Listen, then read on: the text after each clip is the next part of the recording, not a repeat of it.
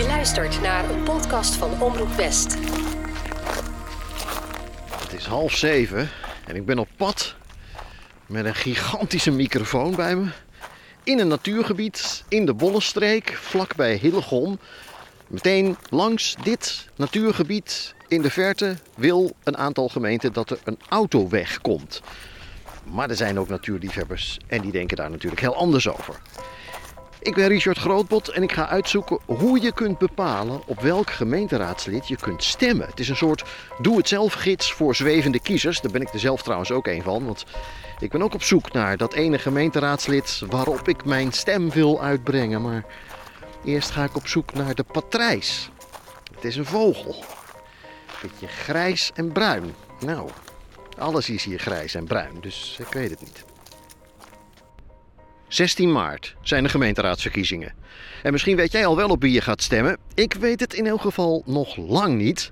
En in deze podcastserie Stem van West zoek ik uit hoe je daarachter komt, op wie je wilt stemmen. Ik kreeg al reacties van luisteraars op de eerste twee afleveringen van deze serie. Dankjewel trouwens. Nou, ik ben duidelijk niet de enige die het lastig vindt om te kiezen op wie ik mijn stem ga uitbrengen. En in deze aflevering ga ik het volgende doen. Ik neem je mee naar één kwestie waar iedereen een kant moest kiezen, voor of tegen. Ik laat je beide kanten van die zaak horen. En hopelijk zijn we dan aan het einde iets wijzer geworden. Welkom bij aflevering 3. We zijn de weg kwijt. 16 maart gaan we stemmen, maar een week later, in maart, gebeurt er iets dat elk jaar gebeurt in de Bollenstreek. Goedemiddag, dames en heren. Keukenhof, seizoen 2019. Voor de 70ste keer openen wij. En dat is wel een applausje waard.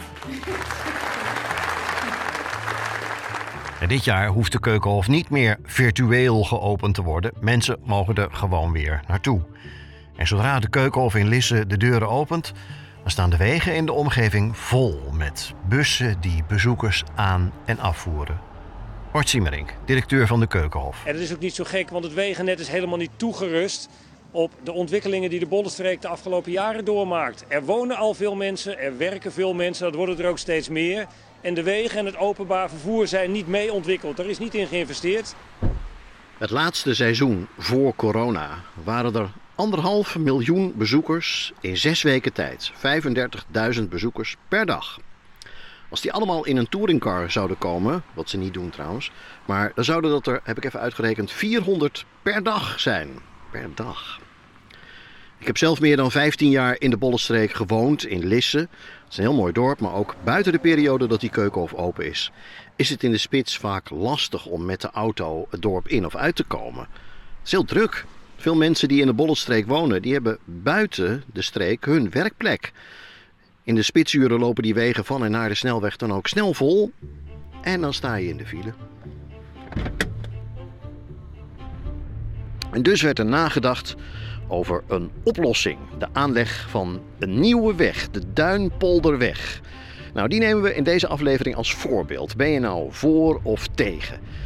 En de ontstaansgeschiedenis maakt meteen een beetje meer duidelijk hoe de lokale politiek werkt. Want die weg, die ligt er nog altijd niet. Er wordt echt al sinds mensenheugenis over gepraat. Tientallen jaren. Er waren op een gegeven moment zeven verschillende varianten. Toen waren het er drie.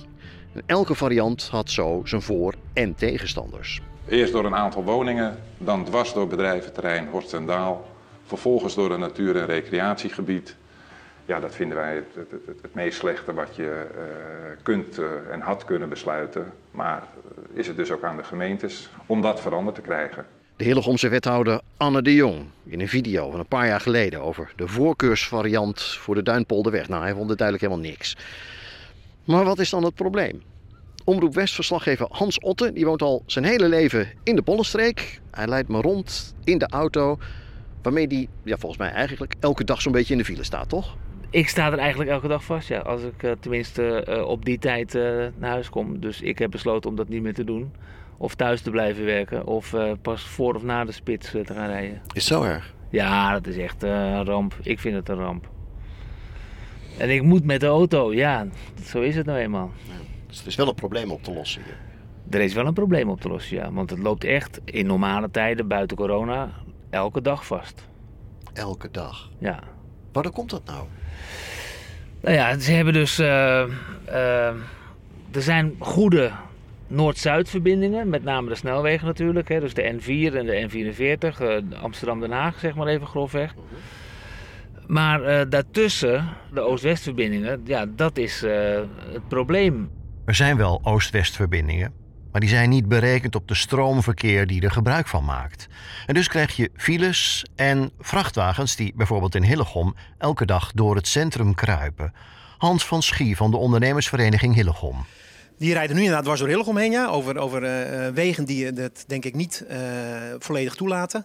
De Hillegomse eh, eh, politiek heeft denk ik eh, in het voortraject ook, een, die, die zien we hier overigens ook eh, wel voorbij komen, wat, wat, wat alternatieven laten zien.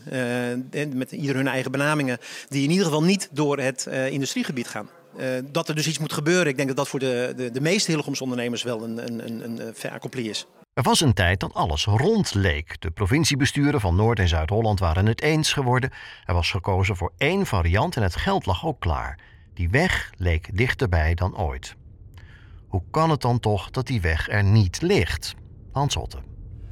Nou ja, eh er is heel lang over gesteggeld en ze hebben heel lang erover gedaan om überhaupt een variant te kiezen. Nou, daar is uiteindelijk een variant gekozen, de meest noordelijke dus. Iedereen was rond en toen kwam er een nieuw provinciebestuur in eh, Noord-Holland en die zeiden nee, we gaan het toch niet doen. Want we gaan, eh, wij kiezen voor groen. GroenLinks werd groot en eh, ja, die hebben de, de stekker eruit getrokken. Het gevolg is dat het provinciebestuur van Zuid-Holland als reactie het geld dat klaar lag voor de aanleg van de weg 20 miljoen een andere bestemming heeft gegeven. Voorlopig is er dus geen budget voor welke variant dan ook. En dat heeft meteen gevolgen. Hans rijdt met me naar een plek waar we, volgens een van de drie plannen, die Duinpolderweg nu hadden moeten zien liggen. Maar in plaats van asfaltmachines staan er bouwkranen. Precies op de plek waar de weg had moeten lopen, worden nu huizen neergezet. Eh, dit is de Weerlaan. De nieuwe Weerlaan. Eh, die is om een woonwijk heen gelegd. En eh, nou ja, die zou moeten aansluiten op een van de varianten van die Duinpolderweg. We staan net voorbij de bocht. Die bocht zou moeten worden doorgetrokken richting Haarlemmermeer, naar rechts daarachter. En eh, nou, daar is dus heel lang ook rekening mee gehouden. Dat een van die drie varianten die er, hè, waar sprake van was, dat die hier langs zou komen, langs die huizen. En eh, ja, dat is nu echt voorbij, want eh, er wordt nu gebouwd. Omdat het zo lang zou gaan duren, sowieso, dat wisten ze wel. Was er eerst nog een plan geweest om daar eh, asielzoekerswoningen te plaatsen, die tijdelijk waren, die ook dan weer weg zouden gaan als die weg zou komen. Maar goed, dat is allemaal niet doorgegaan. Ja, maar als ze daar nog gaan bouwen, dan kan het ook nooit Nee, meer dan kan het ook nooit meer. Nee. nee. En, en, maar goed, er zijn nog drie, van de drie varianten zijn er nog twee open. Even iets tussendoor, maar het heeft hier wel mee te maken. Als je de nieuwsberichten van de afgelopen jaren doorneemt, zie je over de Duinpolderweg dat in het begin de gemeenten de toon aangeven. Maar naarmate er meer geld van de provincie nodig is, verdwijnt zo'n plan meer en meer uit de handen van de gemeente. Zeker wanneer blijkt dat de belangen van de gemeente soms tegenover elkaar staan. Er is een trend die je bij meer grote wegenbouwprojecten ziet. De partij die jouw standpunt vertegenwoordigt, die kan dan wel de grootste zijn in jouw eigen gemeente. Maar als de zaken regionaal worden aangepakt, dan kan de besluitvorming ook wel anders uitpakken. Henk Bouwmans van de Vereniging voor Raadsleden, hij ziet er een trend in. Heel veel taken zijn door de Rijksoverheid in regionale samenwerkingsverbanden gelegd.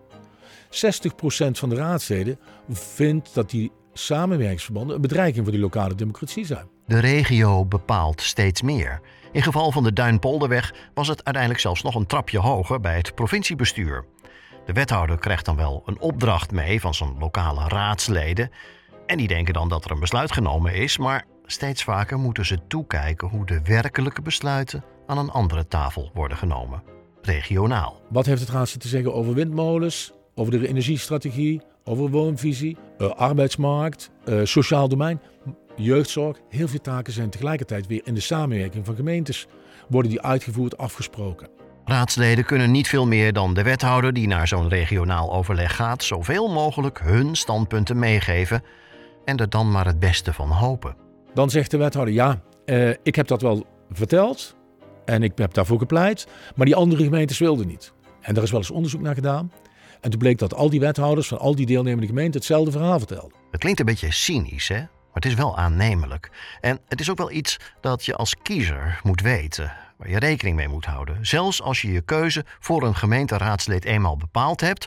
Nou, hopelijk is dat straks zo. Dan wil dat nog niet zeggen dat de gemeenteraad ook echt de lokale kwesties allemaal bepaalt. Soms bepaalt de regio. Nou, terug in de auto met verslaggever Hans Otte. We rijden door de Bollenstreek naar het gebied bij Hillegom waar die weg bijna gekomen was. Bijna de Oosteinderpolder. Waar Hans heel wat voetstappen heeft liggen, want hij bracht dus zijn jeugd door. Nou, mijn tante woont hier verderop. Dus wij speelden hier vaak. eh, nou, hier aan de overkant heb je boer Korsman. Daar ging mijn oom eh, verse melk halen. Dit is een van de oudste polders eh, in dit gebied. En dan kom je nu aan op het gebied waar dan eh, eigenlijk het land stopte. Dit was de Haarlemmermeer. Het heette toen nog het Haarlemmermeer, want het was echt een meer. Zullen we even uitstappen?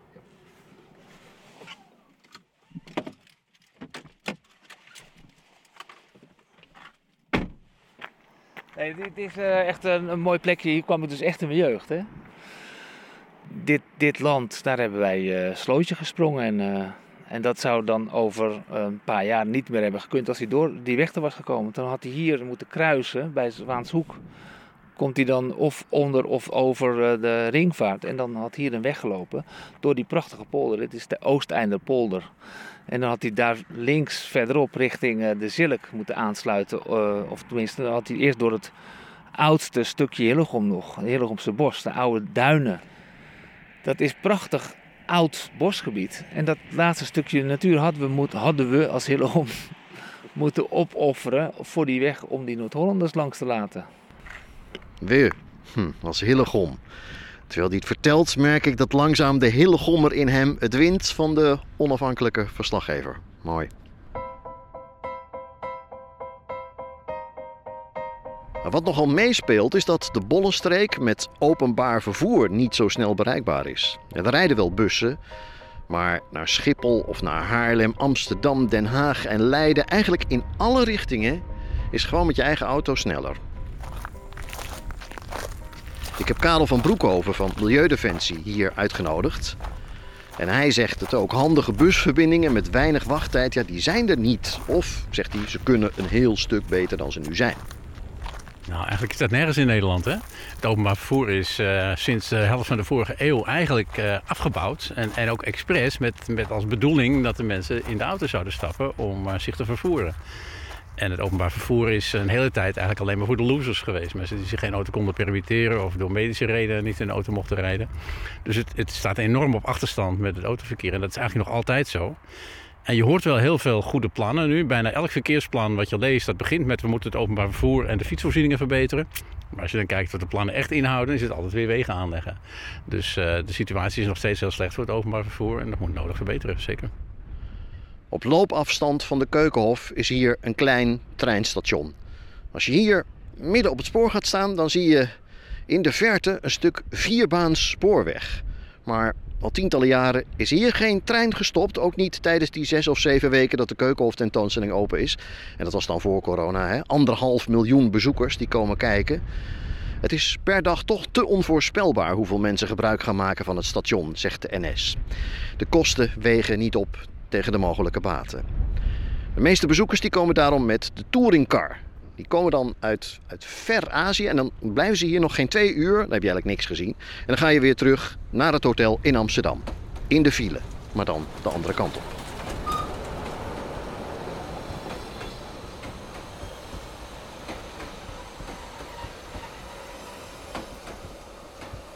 De raadsleden die zeggen dat die nieuwe weggen moet komen, die wijzen bijna allemaal op woningbouwplannen. Het heeft geen zin om huizen te bouwen op een plek als er geen wegen naartoe lopen om het verkeer op te vangen.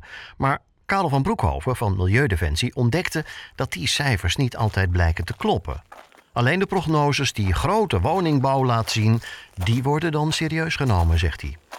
Wie nu nog denkt dat je het verkeer moet laten groeien door nog meer autowegen aan te leggen, die, die leeft echt in de vorige eeuw nog. Dat, eh, je moet echt naar oplossingen zoeken die anders zijn. En je moet ook geen sprookjes vertellen, want er worden ook nog heel veel sprookjes verteld. Hè. Er worden verschrikkelijk veel huizen in uh, Nieuw-Vennep gebouwd en in, uh, uh, in, in, in Hoofddorp. En, en als, je als je dan gaat kijken, is dat echt zo? Dan valt het vreselijk mee.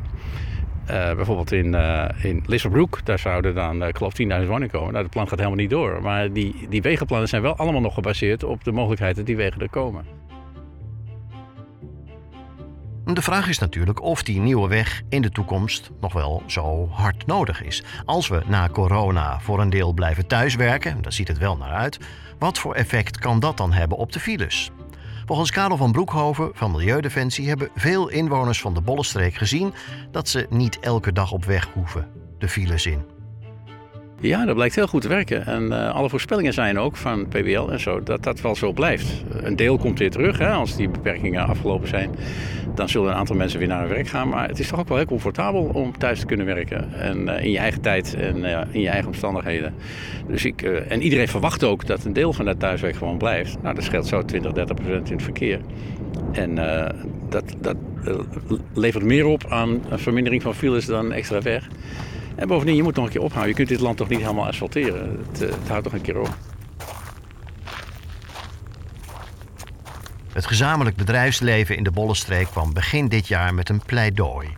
Ze willen dat de overheid er nou eindelijk eens werk van maakt, schrijven 14 organisaties van de Keukenhof tot VNO-NCW in een manifest. Met als titel: Waar een wil is, is een weg. Maar een nieuwe weg komt uiteindelijk ook weer vol te staan met file, zegt althans Karel van Broekhoven. Als je minder woon-werkverkeer hebt, dan is dat voor de zakelijke vervoerders een oplossing die meer oplevert.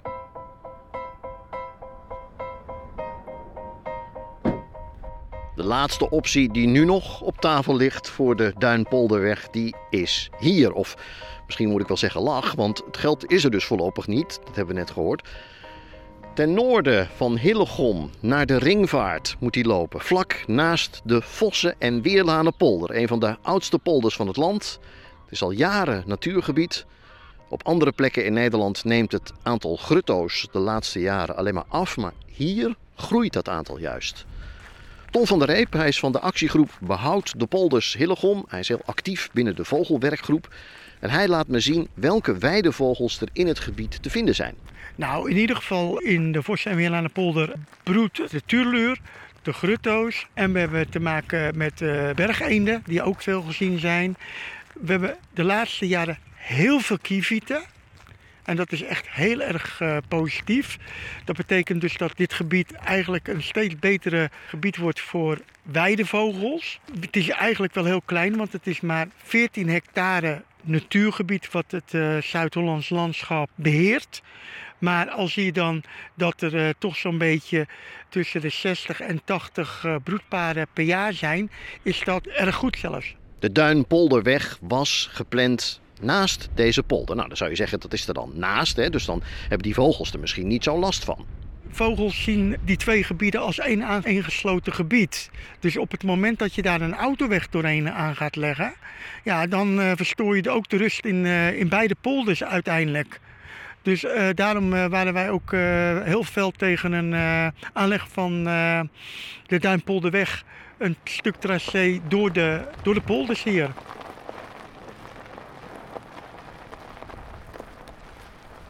Nou, ik dacht, dat kun je nou wel zeggen, maar is het dan ook zo? Zijn er dan ook echt zoveel vogels? Dus ik ben heel vroeg op een zondagochtend weer teruggegaan naar die Vossen en Weerlanen polder. Met dit ding. Het is echt een enorm grote richtmicrofoon. De technicus van wie ik hem geleend heb, die zei twee dingen. Hij zei, je gaat waarschijnlijk voor niks en laat de microfoon niet vallen. Maar goed, ik ben hier dus voor de patrijs. Die moeten hier op de bollevelden te zien zijn. Half zeven.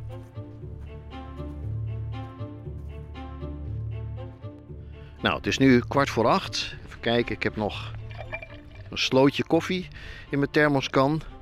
En ik heb inmiddels ook echt een houten kont van het campingstoeltje. Mag ik, mag ik kont zeggen in een podcastserie? Zal toch wel. Maar geen patrijs gezien nog hoor. Even die koffie weer terug. Zo. Geen patrijs gezien. Ze zijn een beetje grijzig met bruine streepjes. Een beetje, zeg maar zoals een fazant, dan wat kleiner. En met een oranje koppertje. En ze zijn heel zeldzaam.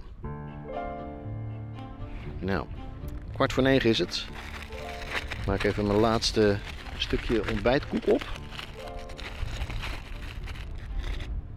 Een collega van me, die werkt bij een andere omroep, die zou het dan ongeveer nu op de volgende manier doen. En zo ga ik het nu ook doen, want ik, ik heb hier dus voor niks gewacht op zo'n uitklapbaar stoeltje. Eh, die zou het dan zo doen. Maar hé, hey, hey, is dat hem nou? Zie ik hem nou in de verte? Ja, ja, ja, dat is de patrijs. Als we heel stil zijn, dan, dan horen we misschien... Even, stil, stil, even stil, dan horen we misschien. En dat was het moment waarop hij dan een bandje startte. Hè? Dat ga ik nu ook doen. De patrijs. De patrijs, dat is hem. Grijs met bruine veertjes. Wat is het een mooie vogel. Nou, hebben we hem toch gezien.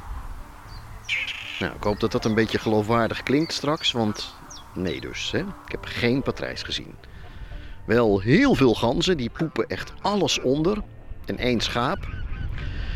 Maar patrijzen zijn dus inderdaad behoorlijk zeldzaam. Zo zeldzaam dat je niet op een willekeurige ochtend er een paar kunt zien. Helaas. Het is niet anders. Ik ga naar huis, het is koud. Voorlopig is die Duinpolderweg er niet. Noord-Holland wil die weg niet. Zuid-Holland heeft het budget een andere bestemming gegeven. En intussen zijn voor- en tegenstanders het nog lang niet met elkaar eens.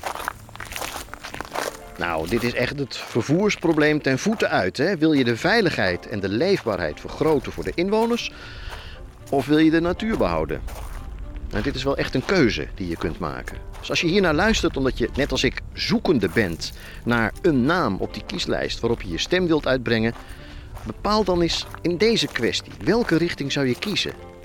En luister de volgende keer, want dan ben ik weer heel ergens anders en dan probeer ik met een heel ander dilemma de keuze dichterbij te brengen. Volgens mij werkt dit wel deze manier. Ik ben Richard Grootbot, dit is een podcast van Omroep West. Als je dit een interessant verhaal vindt, schrijf dan een review bij Apple Podcasts of Google of laat een rating achter en deel de aflevering gerust. Dan help je anderen om deze podcast te ontdekken. En vergeet niet om gratis deze serie te volgen of je te abonneren met de subscribe of abonneerknop. Dan verschijnen nieuwe afleveringen automatisch in je podcast-app. En als jij wel weet waar ik de patrijs kan vinden, dan hoor ik het graag van je. In de mail. In de pan zijn ze misschien ook wel lekker.